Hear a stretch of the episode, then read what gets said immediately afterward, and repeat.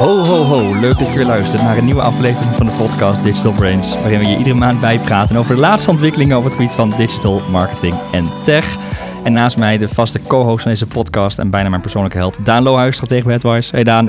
Hey Jeroen, mooie kerstopening. Ja, ik denk dat we het in, in thema. En aan de andere kant, uh, Marieke Bakker, senior branding en content stratege, oftewel onze branding guru bij AdWise. Hey Marieke. Hi. We gaan het hebben over branding uh, vandaag veel, hè, wat de, de, digital brand, of een brand in digital tijd. Maar eerst wat ons op, opviel afgelopen maand. Uh, Marieke, mag ik bij jou beginnen? Ja, ik wilde eigenlijk aftrappen met een bericht wat mij opviel vanuit het warenhuis van de Weekamp. Um, Weekamp pakte retouren aan. Um, ze hebben een verlies gehad van, uh, van 10% omzet in het afgelopen jaar. Um, en hun CEO gaf in het FD aan de afgelopen maand dat zij dan hun retouren aan banden willen gaan leggen. En dat betekent dat ze niet meer gratis hun retouren willen ophalen. Bij je schrok al een beetje, ja? Je trok een beetje wit weg toen. Ja, dat, uh... ja. ja, ja ben je een week, nou weekkamp shopper? Uh, nou, nee, niet direct, maar ja, het verbaasde me wel. Ja. Ja, maar niet meer aan huis ophalen, geloof ik. Hè? Ja. Dus dat is ook op zich wel een heel extreme vorm van service die ze ja. nu hebben. Ja. Tenminste, ik moet altijd pakketjes wegbrengen. Ja, ik persoonlijk geloof ik ook nog wel. Maar ja, uh, ja. het was natuurlijk een fantastische service als je het hebt over een uh, customer, customer experience en dat te verbeteren. Mm -hmm. En dan paste dat natuurlijk heel erg mooi bij de servicegedachte wat mensen verwachten tegenwoordig. En om dat dan aan banden te gaan leggen, vond ik wel een bijzondere beslissing. Ja. Maar ik las ook dat, wat was het ook? Ze zeiden maar 10.000 mensen die, uh, dat was dan de doelgroep waar ze echt flink verlies van kregen. Want die brachten 80% van de dingen die ze... Of ze zaten boven de drempel van 80% wat ze bestelden en weer retour brachten. Ja. Dan denk je, dat, dan, dan slaat het ook echt wel door voor ja. kleding. En dan is kleding ook nog de categorie, geloof ik, waar wat qua retouren verschrikkelijk lastig is om dat het gedragen kan zijn. Uit de verpakking getrokken, uit de farm, waar je misschien met een spiekertje of zo wat je bestelt, uh, ja. ja. een keer een doosje en dan kan er weer netjes terug in. Maar dat ik ook denk van ja, dat, hoe houdbaar is dat nog? Dus maar even hebben, want ze, ze, hebben minder omzet en meer retouren. Ja. Daan, er is ook wel een, qua businessmodel een uitdaging voor Weekamp, kan ik me zo voorstellen. Ja, het e-commerce het domste businessmodel ooit. Hè, Gaan we het over hebben, hè? Zo ja, Pieter Zwart gaan we weer uh, aanhalen. Nou ja, moeten ze niet kijken naar hoe ze de retouren kunnen verminderen. Hè? Dat is natuurlijk een hele andere kijken op hoe je dan uh, ja, dat naar beneden kan brengen. Ja. Dat 48% retour is. Ja, ja ligt dat nou, dan aan? Ik, ik, weet, ingekocht, ik weet niet of het Weekamp is, maar er is ook een webshop die... Want vaak word je met Afterpay bijvoorbeeld, kun je achteraf betalen. En die, als je te veel retourneert, dan mag je gewoon niet meer uh, achteraf betalen bijvoorbeeld. Uh, dan word je al ja, dan zit je, word je soort betalen. Ja, dan zit je in die 80% groep ja. en dan zeggen ze ja leuk, maar dan ga je niet dat, uh, dan halen we even die incentive van nou ja, dat je echt kosteloos ja. Uh, voor de lol thuis een beetje catwalkje kunt gaan spelen, dat halen we eraf. Dan word je gewoon geblokkeerd. ja, ja, dat is ook terecht vind ik. Want het was ook, ik ben even de term vergeten, weten jullie nog? Ehm, het stond nog, vandaag werd het woord van het jaar bekendgemaakt voor de Vanda door de Vandalen.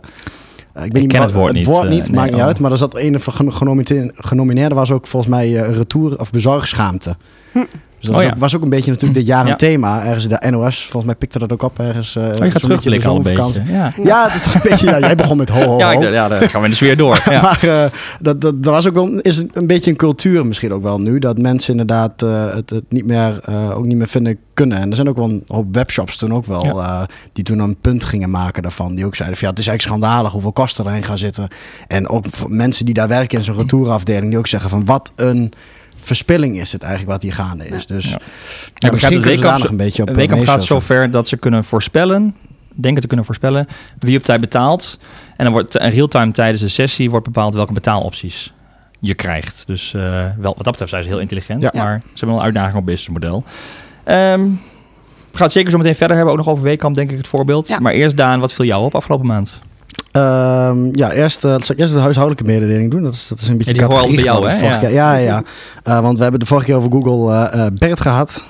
en de, de grote update die eraan komt. Als je het niet weet wat het is, dan moet je de vorige even luisteren. Maar die, um, toen zeiden we al, hij gaat nog niet naar Nederland. Um, nu wel. ze zijn nu op dit moment, dat is 9 december, gepost. Dus ik denk dat deze week het wel duidelijk is geworden ook. Um, ik zal Marijn nog even vragen of er nog grote verschillen zijn geweest. Mm -hmm. Maar ze zeiden van raakt 10% van de zoekopdrachten. Dat die gehersorteerd worden. Maar die update is dus ook naar Nederland gekomen nu. En wordt 70 andere talen. Ja. ja. Dus dat, ja. ze zeggen we zijn aan het uitrollen. Dus of je er als website nu al last van hebt afgelopen week. Of voordeel, kan ook. Ja. Dat, dat weet je niet. Maar ze zijn, eh, eerder was het nog eh, alleen de VS. eh, nu is het dus ook de rest. Uh, Goed om even te tot weten zover uh, in de huishoudelijke mededeling. Ja, als je nu Oh, je positie in de gaten. Ja, je verschuift, dan zou het heel goed kunnen zijn als er een flinke shift in zit dat het daardoor komt. Ja.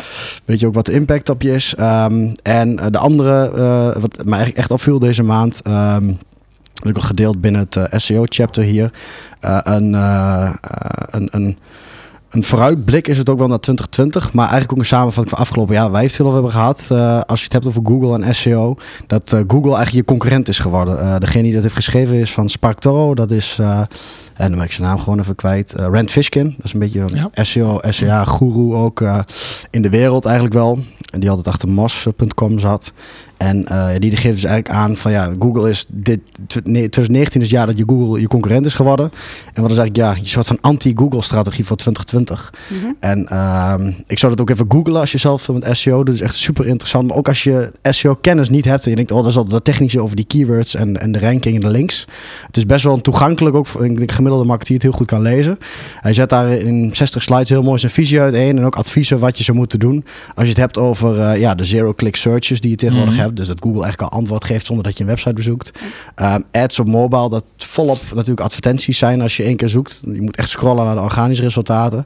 Maar ook, uh, ja, hij noemde het uh, brand extortion, merknaam afpersing eigenlijk. Ja. Dat concurrenten ook op jouw naam gaan adverteren. En hij haalt een paar concrete voorbeelden aan waar je zegt, ja, als Google zelf ook niet zou adverteren op de naam Pixel-telefoon, dan staat Google niet eens in zijn eigen zoekresultaten meer. Maar ook dat ze steeds meer Google-diensten voortrekken. Dus de helft gaat of naar ads of Shopping naar Google-diensten. Hè? De discussie over shopping. Dus het benadert gewoon meer dan de helft van alle kliks uit Google over de bank genomen gaat of naar Google zelf, ja. of naar ads, uh, of naar maps. Ja, dat is ook Google zelf. En eigenlijk 50% nog maar organisch. Dus hij zegt van organisch is gewoon heeft gepiekt, gaat dalen. En uh, het gaat ook over, ja, dan kom weer op de. de er werd mij een haak cadeautje gegeven. Ja. In, in, in dat artikel. Ik, not, was niet bewust ik naar noteer ze allemaal, Daan. Maar het gaat ook van, ja, ook een stukje over uh, um, ja, uh, je branding in, in die non. In, in de zoekresultaat waar mensen niet gaan klikken. Dus dat jij als autoriteit naar voren wordt gehaald. Dat het jouw stukje content is wat ja. er staat. Dus hoeven mensen je site niet meer te bezoeken. Maar dat het echt gaat om ja, ook je merk opbouwen door die signalen. Uh, dat je in maps er staat. Dat je ja, dat jouw suggesties worden getoond als, als, als autoriteit. Ja. Dat het daar veel meer om gaat. Marieke, is Google een bedreiging voor het merk? Ja, indirect wel. Uh, alleen aan de andere kant denk ik dat het een hele grote kans biedt. Juist Mhm. voor uh, branded op je eigen zoektermen. Alleen ja, je unieke waarde is dan wel veel belangrijker. Hm. Heb je een unieke merknaam, weet je, kan je daarop gevonden worden. Ja. Uh, weet je, Timmerman Jansen, dan is de kans natuurlijk heel klein dat je daar uh, onderscheidend uh, organisch op gevonden wordt. Aan de andere kant denk ik dat bedrijven ook wel hun andere kanalen weten te vinden. Je ziet dat YouTube de tweede grootste zoekmachine is geworden. Uh, ja, er liggen ook wel weer kansen om je merk op een andere manier onder de aandacht te brengen. Ja, het is niet alleen maar Google. Ja, ja, ja, ja Nou, goed. we gaan, en eh, om die channelbenadering kunnen we natuurlijk ja. veel meer kijken naar hè, hoe kun je je merk dan echt veel meer bekendheid geven, zodat mensen je organisch ook beter En dat is ook het, een van de adviezen die waar die mee komt. Dus je moet inderdaad, ja, mensen moeten jouw naam gaan googlen. Ja. Dat staat er ook echt Nou, dat is ook de vraag waar we het uitgebreid over gaan hebben. Wat moet je met je merk doen in een digital first tijdperk? Maar eerst nog even een, uh, mijn uh, nieuws van afgelopen maand. Um, ja, een terugblik op 2019, jongens. Want waar denken jullie dat het meest op gezocht is in 2019, volgens Google? Of hebben jullie dat al Ja, ik heb er wel even Ik gelezen. zie het linkje staan. Het staat in de link, zeg Staat maar, de titel, van, eh, ja, de titel oh ja, van ja. het... uh, Kennen jullie de term isogram? eh, Isogram? oh, nee. Ja, Zover ben je nog niet geweest. Ja, dat is een van de ik nou toch wel. Ik zou, dat is toch met fotografie? Is dat, oh nee, dat is, nee, isogram is wat Dat anders. is Nee. ISO-waarde, denk ik. ISO-waarde, die je ja. Oh ja. Ja. Ik heb dat geen is- idee. Nee. Ja, een nou, ik heb het ook even opgezocht. ik denk, ja, we moet moeten ook even een antwoord op kunnen geven. Ja. Ik heb ook geen idee. Het is een woord wat alleen maar uit verschillende letters bestaat. En daar is blijkbaar heel veel op gezocht. Dus, uh, Ja. Oké. Daarnaast vond ik wel interessant dat uh, Walhalla en Huts heel veel opgezocht zijn. Dat echt uh, ja, vanuit de straattaal natuurlijk uh, een bekende nummers Oh, voorkomt. ja, en mensen ja, heel ja. nieuwsgierig zijn naar wat het dan uh, betekent. Ja, ja nee, in, in Nederland is in ieder geval Ajax het meest gezocht. Uh, daarna WK voetbal vrouwen, de Notre Dame, natuurlijk waar die brand was. En um, wat is denken jullie de, dat weten jullie misschien niet, de, de, de top trending bekende Nederlanders? Wie staat bovenaan? Ja, dat staat Duncan. Ja, van het Oh, Songfestival. ja, ja. En nummer twee vond ik opvallend. En is dat is niet, niet misschien die gast van uh, Chateau Nijland? Nee. Het is iemand, moet je even, iemand die heel veel, denk ik, daar waar... Nou, ik Donald Trump of zo? Nee, Bridget Maasland. Huh? Die, Die was nummer lang... twee, de meest gezochte. En ik denk dat dat komt omdat ze met uh, Dre Hazes een relatie heeft. En dat heel, een hele generatie denkt, wie was Bridget Maasland? Wie is Bridget Maasland? Die is 30 jaar ouder dan... Die TMF dan, niet meer eh, kennen. Nee, die kennen TMF niet meer. Dus volgens mij iedereen gaat denken, wie is dat eh, eigenlijk? Maar nou, we zetten in de show notes eh, een linkje naar het eh, artikel... waarin je kunt vinden wat er in Nederland afgelopen jaren allemaal opgezocht is. En eh, ook wereldwijd. Maar Veel achterklap dus. veel achterklap ook wel. Ja, toch even zoeken wie en wat. En, eh, en Ajax ook nummer 1. Maar wel leuk om even, gewoon het, ja, even te, te bekijken. Dan gaan we het echt hebben over een, een eh, branding in een digital first tijdperk. Ehm, we hadden het al even over, over Weekamp. We hebben natuurlijk vaak dat hier ook praten over e-commerce. Daan, je noemde altijd ehm, de quote van eh, Pieter de Zwart van Coolblue. Eh, E-commerce is het domste businessmodel ooit. En je ziet dat al die partijen, of eigenlijk iedereen online, is alleen maar bezig met frictie verminderen, frictie verminderen, frictie verminderen. En je komt bijna op een gegeven moment op een, ja, een, een bijna vergelijkbare websites waar altijd zo clean mogelijk een koopknop, een productfoto, efficiënt, Efficiënt mogelijk, mogelijk, bij, die, eh, bij die winkelmand ook uitkomen. Ehm, ja, alle frictie eh, weghalen leidt er ook bijna toe dat het allemaal één grote massa en weinig toegevoegde waarde heeft. Hm. En ja, Marieke, volgens mij vanuit jou de, de- de rol ook en je advies is ook wel de, er- de toegevoegde waarde zit inderdaad misschien niet in die hele experience, want daar ben je op een gegeven moment allemaal gelijk. Ja. Maar kies een andere manier waarop je een toegevoegde waarde hebt als Ja. merk. Ja, we willen het dan, hè, als we het echt hebben over merkwaarde, dan moet je waarde gaan toevoegen aan een keten. Eh, en dat is niet alleen maar door iets te gaan faciliteren, want dat kunnen natuurlijk alle concurrenten kunnen dat ook. Hè. Die kunnen ook een platform opstarten, Ja. zo frictieloos mogelijk proberen te zijn, maar ja, echt waarde toevoegen aan de levens van mensen. Ja, dan ben je als merk, geef je dan betekenis aan hun leven. En Mhm. ja, daar kun je veel meer mee dan alleen maar een product wegzetten in de markt. De- Dus een bol.com en een cool, eh, Coolblue zijn bijna hetzelfde. Die zullen ook wel ergens een, een waarde hebben, maar die zijn wel heel erg op het product en de frictie. Mhm. Ehm, maar zie je dan dat webshops met een meer een eigen identiteit, bijvoorbeeld, of, of, of websites of merken, dat die er sterker voor kunnen staan of unieker zijn, bijvoorbeeld ook in, in, in search of in een hele. Ja, je ziet dat merken die echt een onderscheidend vermogen hebben, dat mensen daar veel meer een merkvoorkeur voor gaan krijgen. Omdat er, ja, daar zit ook een mooi verhaal achter. Een gunfactor ja, eigenlijk. Ja, Ja. ja. en eh, bedrijven eh, of brands die voornamelijk eh, voor de winst gaan, ja, die, die leveren eigenlijk geen mooi verhaal op. Dus als een doelstelling alleen maar winstgevend is, zou zijn, ja, dan ja, is er helemaal geen mooie content over te maken. Hè? Hm. Dus hoe gaan we dat dan mooi branded wegzetten? En hoe past dat dan in de levens? En hoe kan ik me dan als consument daaraan relateren? Dan wordt het verhaal veel moeilijker. Daan, jij bent al wel vrij rationeel eh, eh, business case gedreven over het algemeen. hoe, hoe, wat zie jij dagelijks in jouw werk eh, en zeg maar in, in, in, ehm, in onze markt, hè, in de wereld rondom een brand in combinatie met ja, efficiëntie, frictie Nou ja, ik zie ook, jij zei nog net van ja, ik vind Coolblue en Bol.com heel erg hetzelfde. Ik ben zelf, ik be- bestel denk ik zelf meer bij Bol.com dan Coolblue.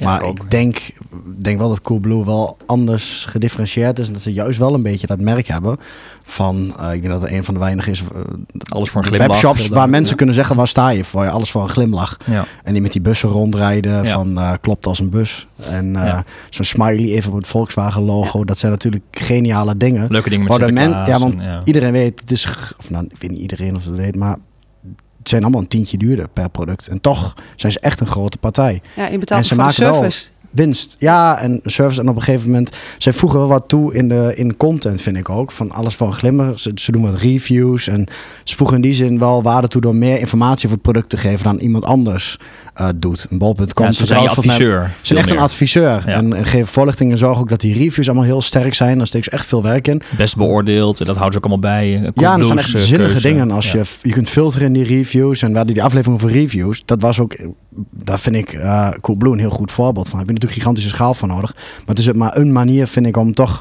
een stuk eh, waarde toe te voegen. Maar in- wel functioneel gedreven. Of vind je dat nog wel... En dat is misschien weer het functionele deel dan het branding gedeelte. Ja. Het maakt het merk wel geloofwaardiger. En ik denk dat mensen daar naar op zoek zijn. Hè? Een stukje authenticiteit. Ja. Eh, Echte grote multinationals zijn minder geloofwaardig. Ja. Eh, dus als je dan een merk hebt waarbij reviews en een soort van ja, eh, eh, neutrale positie kiezen. En ze zeggen laten onze consumenten maar bepalen of een product waardevol is of niet. Ja, dan geef je al veel meer geloofwaardigheid. En ook, en ook gewoon de herkenning dat je denkt, ja, Coolblue, dat klopt wel. En dan kun je wat dingen. En dat je op een gegeven moment denkt, ik bestelde ook maar. Ik weet zeker, natuurlijk zijn de prijsbewuste mensen die gaan shoppen. Die gaan Google Shopping gaan de goedkoopste uitkiezen. Mhm. En misschien wel bij een webshop die drie dagen langere leeftijd heeft. Maar er is ook een heel groot deel wat dan wel bij ze bestelt. En ik geloof dat Coolblue wel redelijk winst maakt en gezond is. In tegenstelling bijvoorbeeld Mm. een Weerkamp. Dus dan zie je wat een merk waard kan zijn. Dus om weer terug te komen op die vraag van als je Ja. er rationeel naar kijkt. Heeft er dus een enorme impact als je zo'n beleving creëert eh, en dus een tientje meer kan vragen. In e-commerce is dat bijna een verdriedubbeling van je Ja, marge, geloof ik ik. wist het trouwens niet meer, is onvoorstelbaar natuurlijk. Dat, Dat- dat, dat is- dat kunnen. Ja, precies. Ja, dus dat levert volgens mij ontzettend veel op. Want voor de rest in de backend en, en de, en de- eh, qua code van de website en hoeveel werk je erin steekt. Dus het verschil tussen Bol of tussen Weerkamp en Coolblue waarschijnlijk niet gigantisch. Dan Eh, hebben we het echt over merkbeleving. Hè? Want ik weet nog wel, toen Coolblue eh gelanceerd werd... toen kreeg je pakketjes ook in een doos thuis gestuurd... wat eigenlijk een soort van ja, knutselpakket was. En dan gingen ze mensen en consumenten gingen ze uitdagen... om daar het mooiste ja, knutselwerk van te Ja. maken. Ja. Hè? Mensen hele bouwsels creëren. Ja, En, ja. en dus da- daarmee zoek je ook al een experience op... en loyaliteit op met je klanten. Ja. En ze hebben het slim gedaan, denk ik, door alles samen te voegen onder Coolblue. Ja, ja, Want dat, dat, was twee, drie jaar geleden Ja, hebben ze dat besloten, geloof Ja. ik. Toen was het nog eh, puntje, puntje shop, een koelkast shop en weet ik veel wat. Coolblue is En een brand geworden daardoor. Eigenlijk is dat misschien wel en als je de, toen als. SEO-marketeer keek, dacht je van, goh, wat, wat, wat, wat dom, al hun rankings. Dat was toen ook een heel groot project en dan om om te zetten. Dat werd de hele. SEO-wereld gevolgd. Weet Google zelfs mee geholpen. Al die niche-websites en eh, eh, hoe zou dat gaan? Toen dacht je van, ja, even als puur vanuit SEO-perspectief of search marketeer, denk je, jeetje, waarom zou je dat gaan doen? Maar- PDA, webshop.nl, destijds nog vroeger. Ja, heel ver vroeger. Maar nou, ja, dat soort dingen wel. met MP3-spelers. Ja, nee, dat soort dingen. En daar waren echt subdomeinen. En daarmee zie je wel, ze hebben een brand, ge- brand gecreëerd. En, Als je nu ziet wat het waard is, ook in Google en Ja. het advertising, dat je denkt, zo, dat maar volgens mij begin je, maar Marieke, dat weet jij misschien beter, begin je wel, eh, of nou laten we zeggen, ontstaat de merkvraag vaak in een iets latere fase van een organisatie. Als je, hè, je begint misschien meer Mhm. een product en functioneel. Ja. En op een gegeven moment komt er meer dat je een onderscheidend vermogen moet gaan creëren, wat meer is dan alleen de product en de frictie wegnemen. Ja, ja, je ziet dat eh, traditioneel heel veel organisaties die zagen een kans in de markt. En eh, dat was vaak inderdaad of iets beter doen of een beter product neerzetten. En ja, dat dan maar gewoon gaan doen en Of heel hard gaan lopen. Of ja. gewoon gaan rennen. Ja, onderscheidend vermogen op prijs of op eh, productkwaliteit. Ehm, ja, en zodra merken nu groter worden, zien ze dat ze ook gewoon meer verantwoordelijkheid moeten nemen om ja, dat merk ook op een hele andere manier in de markt te gaan zetten. Ja, ja. Nou, maar hoe begin je, hoe creëer je een, een merk? Waar start je als je een merk wilt bouwen? Ehm, nou, wat heel belangrijk is en waar wij ook eh, veel mee bezig zijn, is om een merkpersoonlijkheid eh, te gaan creëren. Ehm, en dat betekent net als een persoon. ehm, heeft, kan een merk ook normen en waarden hebben en dat willen uitstralen. Mhm. En dat geeft heel veel duiding aan het gedrag van de organisatie, aan de communicatie van de organisatie. Ehm, en aan een tone of voice bijvoorbeeld. Kijk naar een HEMA, die heeft een hele duidelijke tone of voice als je die reclames hoort. En eh, ja, goed, dan kun je wel een beetje Ja. een moeder bij voorstellen die ook wel helemaal in hun doelgroep valt. En heel consistent. Ja, ja. Nou, Ja, dan, als je ja. het geluid hoort, dan denk je al gelijk aan, oh, dat is ja, kun je ook een persoon merk, bij dat, voorstellen. die afzender, zeg maar. Ja. Ja. Ja, ja. Ja. en zelfs met de Albertijn, hè, dat is natuurlijk de supermarktmanager, dat is nu een dame geworden, Iris geloof ik. Ehm, ja, dat is meteen een persoonlijkheid van dat merk. Ja. En alles uitdraagt en uitstraalt wat zo'n merk dan wil. eh, ja. Maar zij zijn natuurlijk ook merken die ook een heel erg een offline component hebben. Hè? De winkels, de zichtbaarheid, eh, offline eh, campagnes. Mhm. Zie je nog... ehm, of zeg maar, laten we anders zeggen, er, heel veel merken of klanten die we ook hebben, hebben gewoon een duidelijke huisstijl beschreven. Hè? Met logo, dat soort zaken. Maar daar merk ik vooral dat ze onvoldoende digital ja, first gedacht hebben. En dat je echt in de doorvertaling naar digital, dat je tegen hun huisstijlregeltjes aanloopt. Ja, ja klopt. Ja, en dat is eigenlijk een eh, traditionele gedachte waarin vanuit drukwerk wordt gedacht. Hè, we maken een logo, we maken visitekaartjes. Ja, wat is het logo horizontaal? Hoe ziet hij er verticaal uit? En dan misschien een keer eh, de zwart-wit versie. Als je hem afdrukt op papier, hoe komt hij komt hij dan nog goed uit? Misschien nog een keer een diapositieve variant van gemaakt inderdaad. Ik, en eh, tien jaar geleden zagen we van, oh wat gaaf, we kunnen met Photoshop en uh, in zijn dat soort programma's kunnen we mooie schaduwtjes en 3D effectjes toevoegen. En dan zie je dat we nu veel meer weer naar platte varianten gaan. Omdat je, ja, je wil je icons hebben ook voor je social media kanalen. Je mhm. wil eh, uh, Flavicon kunnen toevoegen aan je webbrowser. Ehm, ja, dus hè, dan, die, die vertaalslag naar, naar digital is Ja. daarin wel belangrijk. En Hoe ziet ons gifje eruit op Instagram als je ons eh branded gif Ja, gebruikt? bijna je tone of voice op Instagram. Wat eh, voor, eh, wat ja. voor een gifjes ga je doen op Instagram? eh, Hoe ziet zo er geanimeerd uit ook? Ik Ja. denk dat Ja. dat ook eentje is die Ja. tegenwoordig best veel speelt. Geanimeerde logo's en introotjes Ja. van dingen. Zeker. Ja, dat- En eh, ja, dat is eigenlijk digital first gedachte. Hè? Van wat willen we dan uitstralen? Wat moet onze reputatie worden? En waar willen mensen zich aan relateren? Ja, dus dat hang je een wel, beetje eh, op aan dat emotionele eh, gedeelte, ook de merkpersoonlijkheid. Dat iedereen Ja, ja, die ja, ja aan dus met die merkpersoonlijkheid kun je wat, wat kernwaarden en waarden bepalen. Eh, Wat we ook wel eens gebruiken is het eh, archetype van, eh, van Jung. Ja. En twaalf, eh, eigenlijk vanuit de psychologie, types waarin je een persoon of een merk zou kunnen definiëren. En daar eigenlijk al karaktereigenschappen aan mee zou kunnen geven. Eh, nou, dat geeft al heel veel duiding. Eh, ja, en die, op die manier kun je dat ook weer mooi, heel mooi doorvertalen naar een beeldtaal en dus een, eh, een tone of voice in die toepassingen. Zelfs zo'n eh, chatbot. Mhm. En hoe, moet, hoe moet nou een chatbot reageren en wat voor reacties vinden we dan normaal en reageren we dan informeel of formeel? En Ja. Dat soort zaken. Dus het geeft heel veel richting aan. Want dat, dat vraag ik me, heb ik me in het verleden wel eens afgevraagd ook. Als ik dan een branding specialist hoorde, zo dacht ik inderdaad, ja, leuke modelletjes. Allemaal je archetypes. En, wat- maar wat doe je er nou echt mee? Welke Wat besluiten? heb je eraan? Ja, ja, ja. ja. en, en, en daar, dat, dat kan ik me voorstellen dat dat richting geeft aan een team. Dat Ja. je dat soort voorbeelden geeft, dat het echt gaat leven. Dat niet alleen voor de klant belangrijk is, maar ook met, met de mensen waarmee je samenwerkt, die allemaal digitale dingen creëren. Dat ze weten van, ja, wat, wat moeten we nou eigenlijk gaan, gaan bouwen? Zoals jij Ja. zegt, met een chatbot of... eh, Nou, ja, en ik merk zelf wel, het wordt een ratje toe als je vanuit een, een huisstijl, eh, offline gedachte huisstijl, dat naar online moet Ja, zo'n doorvertalen. huisstijl Het is echt- handboekje dat je zegt Ja, deze kleurtjes. Ja, en, het is eh, allemaal net niet lekker. Het ja. is niet, niet, niet, je, je moet allemaal nagaan, denken, compromisjes gaan zoeken. Het werkt niet, niet goed. En je komt ook als merk dus niet goed over eh, op digital. Je, Nee, je logo moet in één keer in een vierkantje passen. Ja. Eh, dus dan moet je hem zo ver gaan inzoomen soms als de mensen een heel erg horizontaal georiënteerd ja, dan blijft er niks meer over van wat, wat je eigenlijk in het logo wilde vertellen. En, en die gedachtegang, dat, dat zie je nog dat heel veel klanten dat ook nog gewoon niet zo, heel, niet zo ver zijn. En lig heel veel vakantie, ja. Ja, ja, en maar wel goed om over na te denken als marketeer ook. Van, is mijn merk wel digital proof? Of moet ik misschien een digital update doen of een freestyle doen? Waarin je, ehm, ja, waarin je dat, dat er aan toe gaat voegen aan je, aan je huisstijl. Ja. Dat zet me ook wel aan het denken, want wat je nu ook vaak mis ziet gaan, althans bij projecten die ik zie, dan komt er inderdaad een huisstijl handboek op tafel.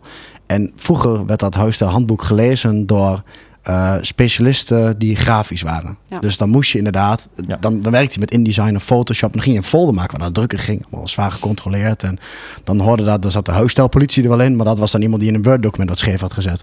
Maar nu werken we met z'n allen in PowerPoint templates. Iedereen gooit afbeeldingen op de site. Iedereen post op social. Dus het, zo'n merk gaat veel meer leven en komt in de handen van veel meer mensen. Ja.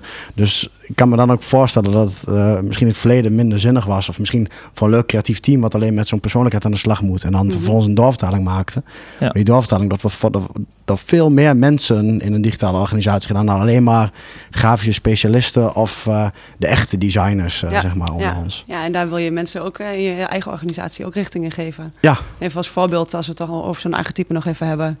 eh, de rebel. Ja, dat is echt het archetype wat bij, bij een Red Bull past bijvoorbeeld. Mhm. En het geeft zo'n hele organisatie van eh, miljoenen mensen... die ook allemaal communicatie doen. Eigenlijk een hele media-organisatie is zoveel content inmiddels. gemaakt. Ja, Ja, geeft ja. heel veel richting. Want ze zijn altijd rebels in alle uitingen die ze doen. De samenwerking die ze hebben, de sporters die ze sponsoren. En Ja. geeft de richting aan alles. Ja, ja, dat is een kapstok. En Daan, jij, jij bent in jouw werk veel bezig met business strategy of marketing strategy voor klanten. Ehm, neem je daar mee, denk je daarover na, dat je ook daar al even toetst hoe het hoe digital first het merk is? Want ik, dat kan me een beperking leveren in het behalen van doelen bijvoorbeeld. Nou, ik zou eerlijk zijn, dat, dat wat ik net beschreef, wat die er- ervaring, eh, die ben ik wel meermaals tegengekomen dat je denkt, oh ja, shit. En, eh, Hiermee moeten we het doen.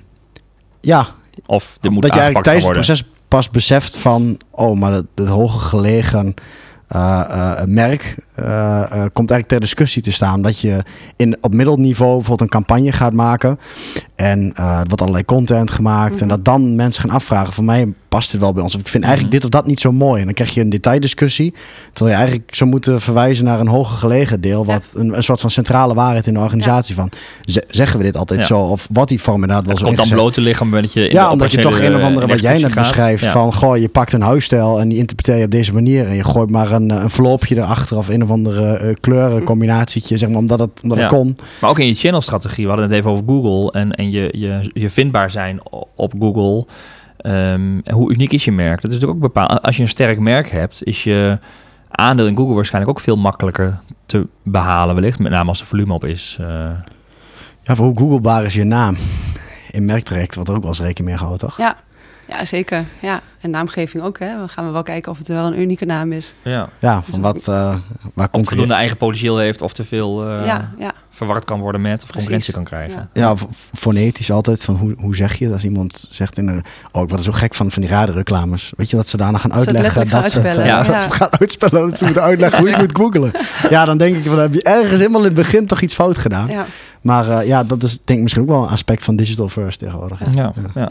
En ik denk, ja, als we het hebben over de business strategy, je ziet bij branding trajecten dat er eigenlijk, het raakt altijd zo erg de business. Ehm, je gaat het hebben over een belofte die je organisatie ga- eh, kan doen. En als we die belofte willen waarmaken, ja, die belofte gaan we wel communiceren in de Mhm. marketing. Ja, dan, soms be- betekent dat echt wel een veranderproces voor een organisatie. Ja. ja, want je kunt natuurlijk wel zeggen, dit is wie we willen zijn naar buiten toe. Maar toets je ook wel of ze zo zijn? Ja. Toch? Dat ja, precies. En daarna echt een soort van implementatietraject. Van hoe Ja. gaan we dan zorgen dat we ons blijven gedragen volgens onze normen en waarden die we hebben afgesproken met elkaar.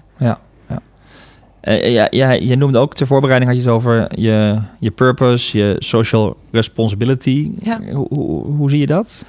Ja, ik zie eh, op de evenementen en eigenlijk de trajecten die we de laatste tijd in branding doen, dat ook steeds meer behoefte komt aan eh, social responsibility. Ehm, het is niet alleen maar vanuit de millennials die zeggen van we willen dat bedrijven verantwoordelijkheden nemen. En Ja, een beetje hebben de Greta Thunberg, eh Thunberg eh, insteek. Zo Ja, van, eh, ja. Klimaatactivist. Let op de...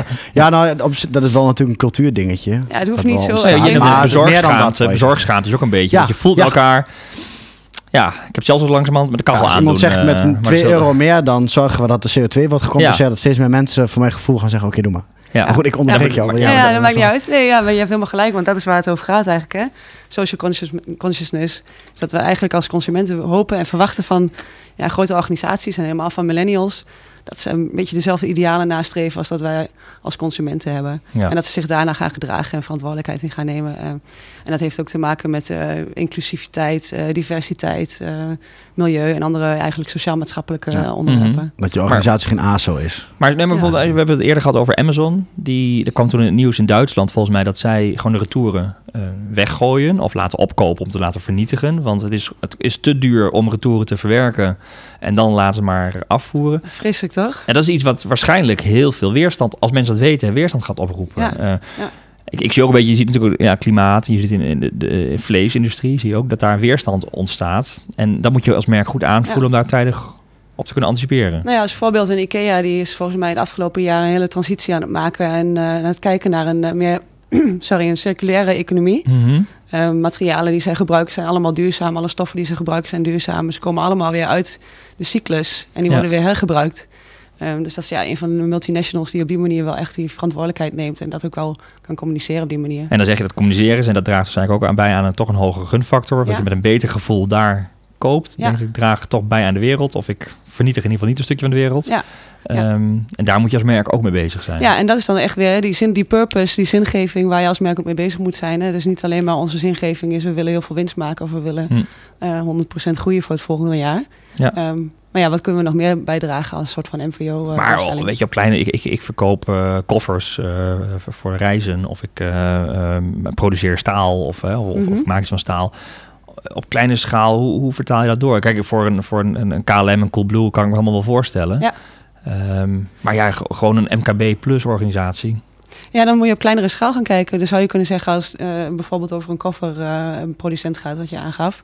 eh, dan zou je kunnen zeggen, onze doelstelling of onze purpose is om ehm, reizen gemakkelijker te maken. Of om de reizen van mensen zo gemakkelijk mogelijk te maken. Of, en dan ga je veel meer ehm, op de echte waarde zitten die je voor klanten kan leveren. In plaats van dat we zeggen van we leveren een mooie koffer. Nou, en dan heb je het meer over een why, zoals eh, Simon Sinek zegt. Hè? De, de, Ja, ja eh, dus Simon Sinek heeft natuurlijk een heel erg mooi model eh, bedacht. Waarin organisaties, de Golden Circle heet dat. ja. organisaties op zoek kunnen gaan naar hun ja, ja, drijfveren eigenlijk. Hè? Dus naast wat ze allemaal doen, ook Want uiteindelijk zit daar iets onder. Dat je koffers eh, produceert. Er zit waarschijnlijk, ja, natuurlijk kun je zeggen het is businessmodel en sales te doen. Maar ergens drijven heb je wel een soort drive die leidt tot nou ja, mensen een, een, een goede reis bezorgen. Ja, ja, en waar geloof je organisatie echt in? Ja, ja. En wat willen we echt bewerkstelligen met elkaar? En vaak is dat antwoord op die vraag ook veel duurzamer. En een antwoord die een organisatie misschien ook wel verder helpt dan de komende tien jaar, maar misschien wel de komende twintig jaar. Ja, dat Ja, mag en- ook wel verder vooruit zijn. Ja. We, we noemen natuurlijk elke keer bekende merken, omdat het lekker makkelijk is. Eh, als we weer een, eh, een klein merk als voorbeeld gaan noemen, dan denkt iedereen, dan moet je het gaan uitleggen.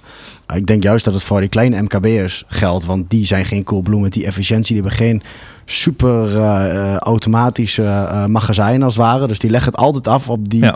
eh, operational excellence. Of hoe, hoe Ja, we noemen wel eens het, plat cool- gezegd. het Coolblue syndroom. hè. De klant verwacht eigenlijk de Coolblue of de Bob.com standaard. Ja. Dat kun je gewoon als, als kleine organisatie niet Maar leveren. die Dus moet je schaalvoordelen, juist die snelheid, manier- die ja. kostenvoordelen, eh, die, die, dat, dat, dat supersnel efficiënt verwerken van bestellingen, daar zul je altijd meer tijd en energie in moeten steken per product dan een Coolblue Ja. of een Beerkamp of een Bol.com van Amazon, et cetera. Ja. Dus dan moet En je ik meer denk, bieden. Ja, dat, ik denk juist dat merk dat dat daar voor een kleine partij het verschil moet maken. Dat jij een niche segment dus uitkiest.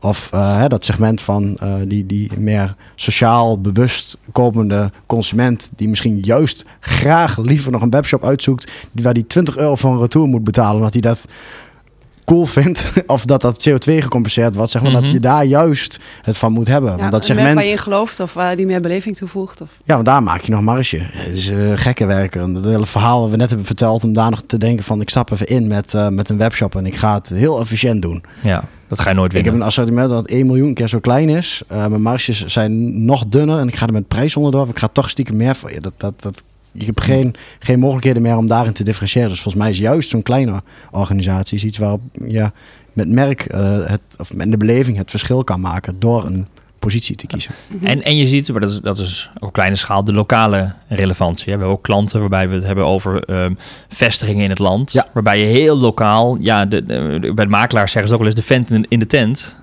He, die maakt het. He, ja, nee, maar dat, ja, de vent in de tent, die hebben eigen netwerk, die hebben een gezicht, die uitstraling. Dus al is maar een, een, een, een, gevel van een pand ja, wat je ja, herkent, de je, gunfactor je komt lokaal. voor de, de, de fietsenmaker, voor die man die advies geeft, die gun je ook wat. En uh, ja, dat is zeker zo met die uh, lokaal. Ik denk dat dat, dat een van de dingen als... is waar je nog op kan winnen. Uh, ook het hele omnichannel gedachte natuurlijk, wat Coolblue ook mee bezig is. Wekamp geloof ik niet. Um, niet voor zover ik weet. Hmm. Er is een Wekamp winkel. Maar er zijn ja. natuurlijk een hele hoop spelers die omnichannel nu, uh, nu aanvliegen. Nou ja. ja. ik denk dat er nog wel wat uh, Hudson's B-winkels vrijkomen die misschien uh, gaan kansen. Ja. ja. ja. misschien een experience shop van maken. Hè? Je wil stofjes kunnen voelen. Of misschien kunnen ze wel generieke dingen laten passen. Zodat je echt een unieke pasvorm uh, rechtstreeks krijgt met personal shopping, ja. wat je steeds meer ziet. Zo'n mm. businessmodel van Wekamp, dat je inderdaad een soort van pascentrum maakt. Waar je nee, maar Coolblue is, daar, is, passen, wel, is wel daar voor de winkel begonnen. En Coolblue ja. is in de stenen gegaan, juist om weer contact te hebben, service kunnen verlenen. Ja. Uh, en ook niet vergeten, als, als online marketeers denken we altijd van oh, alles is digital. Maar er is ook natuurlijk een hele grote groep die gewoon nog in een stenen winkel, dit krimpt. Ja. Net zoals, ja. uh, maar het is nog steeds denk ik 30, 40 procent dan ben ik denk ik nog een soort van beroepsdeformatie, misschien wel 60 procent, wat gewoon nog offline gebeurt. Ja. Misschien wel 70. Ja, en het niet dat het nog steeds ook wel een olievlek werking heeft, hè, als een merk wel offline ook bestaat en mensen daarna, wat we zelf ook Ropo effect noemen, ja. dat ze daarna toch wel ja. online nog gaan shoppen, terwijl ja. ze eerst even offline hebben gekeken of inspiratie hebben opgedaan. Ja, ja. ja. ja. en andersom hè, dat je toch even uh, uh, online gaat zoeken, dan offline gaat kopen of offline gaat kijken. Toch nog even de pasvorm checken. Ja, ja. Ja, ik maak heel vaak in een winkel ook even een foto van een product, ga ik even online kijken. Koop je wel uh, schoenen online dan? alleen maar. En een vast Bijna merk dat je dan weet dat... Nee, niet, maar dan ga ik gewoon een paar shops langs. En nou moet ik zeggen, mijn laatste uh, paar heb ik net wel in de winkel gekocht. Maar ja, dat, jij niet dan?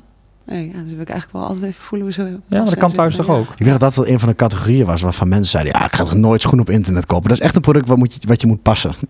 nou, meer ja. ongelijk heb je niet kunnen krijgen. Maar inderdaad, ik denk wel dat het nog steeds wel echt een voordeel is... als je in een winkel... Ja, alleen het assortiment is veel kleiner, toch? Ik merk alleen wel zelf, ik heb me de retouren beginnen met te irriteren. Dan heb ik inderdaad weer... Nou, schoenen moet altijd weer terug, gedoe. Je moet ja. tegenwoordig ergens langs brengen. Weekam komt uh, niet eens meer langs de deur voor je. ophalen. Nee, echt uh, Ik vergeet afzien, het terug te sturen. En ja, dan uh, een moet zwaar mijn vrienden of familie blij mee maken. Ja. en dat is een maal duur hobby dan, uh, Marieke. Ja, ja. Oh, heel Mil sociaal. Milou in de in podcast gehad. Toch? Milou was iemand die heel veel... Uh, heel veel terug. Die had geen bezorgschaamte, bedoel je? Nee, nee die had geen bezorgschaamte. Nee, die kocht gewoon alles en die had echt een, een, een paskamer thuis ongeveer. Een catwalk thuis waar ze en alles weer terug deed vervolgens. Ja. Dus, uh, nou... Uitdagingen wat dat betreft. Uh, ja. om, om in ieder geval als brand over na te denken, groot of klein. Hè? Heb je lokale relevantie? Uh, um, heb je een onderscheidend vermogen? Heb je een intrinsieke motivatie waarop je bestaat? En probeer dat dan helder te hebben en uit te vergroten wellicht in je, in je marketing. Ja. Een andere vraagstuk wat we ook steeds vaker zien is de, het employer brand. Je hebt natuurlijk enerzijds je consumentenmerk of je merk richting je doelgroep, B2B of B2C. Maar je hebt ook heel vaak gewoon een, een, een merk. Ja, wie, wie ben je voor medewerkers? Ja, ja. Ja, je ziet de arbeidsmarkt uh, krapt uh, steeds meer toenemen nu. Dus die vragen voor recruitment marketing en employer branding neemt echt een vlucht, toe. Hè? Ja, ja. ja. Um, en het is natuurlijk een beperkte pool waar we uh, met z'n allen in zitten te vissen. Met name over praktijkgerichte functies. Ja. Technici, ja, ja. ontwikkelaars, data scientists of zo. Dat soort dingen. Dat zijn echt... Ja, heel moeilijk te krijgen. Um, en daarbij wordt het dus belangrijker om als werkgever een goed werkgeversimago te hebben. Want mensen echt voor je willen werken. En dus ook voor een merk waar je voor staat willen werken. Mm -hmm. uh, en dat gaat veel verder dan ar goede arbeidsomstandigheden of secundaire voorwaarden. En überhaupt de inhoud van je functie. Want uh, ja, het is misschien de cultuur nog wel weer veel belangrijker tegenwoordig om een onderscheidend vermogen te hebben. Ja. Uh, en dat doen we ook weer met employer branding dan. Ja, ja maar dan moet je eigenlijk misschien moeilijker nadenken. Wat, wat, wat is ons merk voor werknemers en voor ja. potentiële werknemers. Ja, ja, wat we dan doen is... Dus niet je product, niet je prijs, niet de frictie. Dat gaat op heel andere waarden. Ja, ja. Ja, en dan gaan we echt kijken naar de ja, waardepropositie inderdaad. En employee, waarde, eh, employee value proposition noemen we dat. Ja. En die gaan we leggen eigenlijk eh, tegenover de functionele waarden en de cultuur van een organisatie. En daarin zit dan natuurlijk een sweet spot, waarin die twee elkaar weten te vinden. Dus waar zijn medewerkers naar op zoek? Wat voor soort organisatie? En dan heb je functionele waarden, economische waarden, maar ook de emotionele waarden. En die Hm. em- emotionele waarden die worden dan steeds belangrijker. Daarmee gaan we kijken van, eh, ja, wat Niet vindt alleen iemand wat nou echt? verdien je Ja. of, of hoeveel vakantiedagen heb je, maar veel meer van waar ik ga werken. Zijn dat gelijkgestemden? Of Ja, voel ik me gewaardeerd? Of, ja. Ja. ja. Ja, want dat zijn dingen die natuurlijk, eh, eh, zeker vanuit online, als je gaat kijken naar ik wil ergens werken, dan zie je normaal gesproken het verkoopverhaal naar een klant toe. En Ja, kijk je nooit bij misschien het team of zo, of staat er iets van over, over ons op de website, maar dan houdt het vaak op. Ja. Ja. En dan begint, dan zie je inderdaad alleen platte vacatures. Het is ook wel een leuke exercitie als je vacatures eens gaat, eh, gaat nakijken. Om dan eens even, ja, je hoeft die niet uit te printen hè, als het over duurzaamheid hebben. Maar gewoon even markeren in een pdf-writer. Eh, hoe vaak het over de organisatie zelf gaat. En hoe vaak het gaat over wat de organisatie te bieden heeft. Ja. Ja, of wat ze Eh, zoeken in ja, mensen kunnen ja. lachen. Dat is een Ja. soort What's van bingo. me? Ja. Ja. Ja. Van we zoeken proactieve mensen, echte teamplayers, Ja. eh, Ja. gedreven geen 9 tot 5 mentaliteit. en dat is een soort van, kun afstrepen. je altijd copy-pasten. Zo. Ja, eh. zijn wij misschien ook wel schuldig aan, maar er zit een aardige bullshit Ja, bingo maar, in. maar, Ja. maar, maar het moet er daar, daarvoor zit ook nog wat, zeg maar. Dat je dat uiteindelijk in een vacaturetekst, maar vaak is dat het enige wat je kan vinden Ja. over een organisatie. En dan denk je, ja, Best wel functioneel zonder dat je echt, echt inhoud en, en lading aangeeft. ja en als je echt mensen op plekken eh, eh, eh, weg wil trekken, noem ik het maar eventjes. Dus Ja. mensen om aan te zetten, om Ja. in beweging te komen, dan ga dat niet doen met een platte vacature op je site. En als dat alles is wat jij kan bieden. Nee, dit eisen we, staat er dan. Ja, ja. In Ja. plaats van dit, dit Ja. bieden we. Dat bieden we, ja. Hey, 2020 eh, staat voor de deur.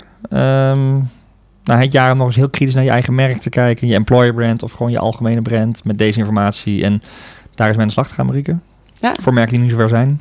Dat is een goede anti-Google strategie ook. Dus. Ja, nou ja, nee, wat jij Ja. Google heeft, is, is je concurrent. Dus ga met je anti-Google strategie aan de, aan de slag. En dat zit misschien wel heel snel, vind je die terug in, in je brand. Ja, zeker. Ik zou eh, met name adviseren om naar je onderscheidend vermogen te kijken. Wat heb je nou echt te bieden voor mensen? Waar zit de waarde in? Kan ik echt waarde toevoegen aan een keten? Ehm, en in hoeverre kan ik dat in een omnichannel klantreis zetten? hè? Mhm. Dus niet alleen maar hebben we een Google of hebben we een website. Of, eh, Ja, dat is ook gevaar. niet een alleen maar blijven denken dan denk ik 100% digital, het is digital first. Nee, het is. Het gaat echt om de hele... eh, ja, ja. ja. we Ja. leven in een, in een 360 graden wereld en niet alleen maar digitaal. Dus Nee. ja, maak daar gebruik van, zou ik zeggen.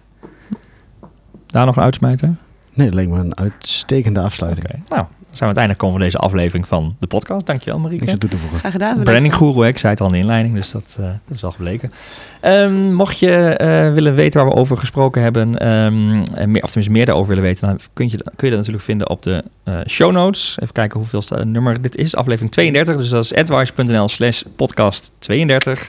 Ehm, vergeet je ook niet te abonneren op je, in je favoriete podcast app op deze podcast. Dan krijg je ook de volgende aflevering terug. En we hebben al 32 afleveringen dus nu staan. Dus je hebt, als je nog niks geluisterd hebt, nog 31 afleveringen terug te luisteren. Die heel interessant en leuk zijn. En de kerstvakantie staat voor de deur. Je hebt alle tijd om even flink eh, door te halen wat dat betreft. Bing watching of Bing luisteren. eh, Binge. binge, binge, binge, listening. Binge listening. We gaan een nieuwe... Podcast consumeren. Nee. De term van 2020. We gaan hem in de woordenboek eh, aanmelden. Ja, Ja, dat vind ik ja. wel een sterke. ja, die gaat komen, denk ik. Gaat komen. Voor het eerst gehoord bij de Digital Brains podcast. Ja, daarom. Hij staat genoteerd. Dank voor het luisteren en heel graag tot de volgende aflevering. En nou ja, mocht je nog voor de feestdagen horen, fijne eh, feestdagen. En, Ho, ho, ho.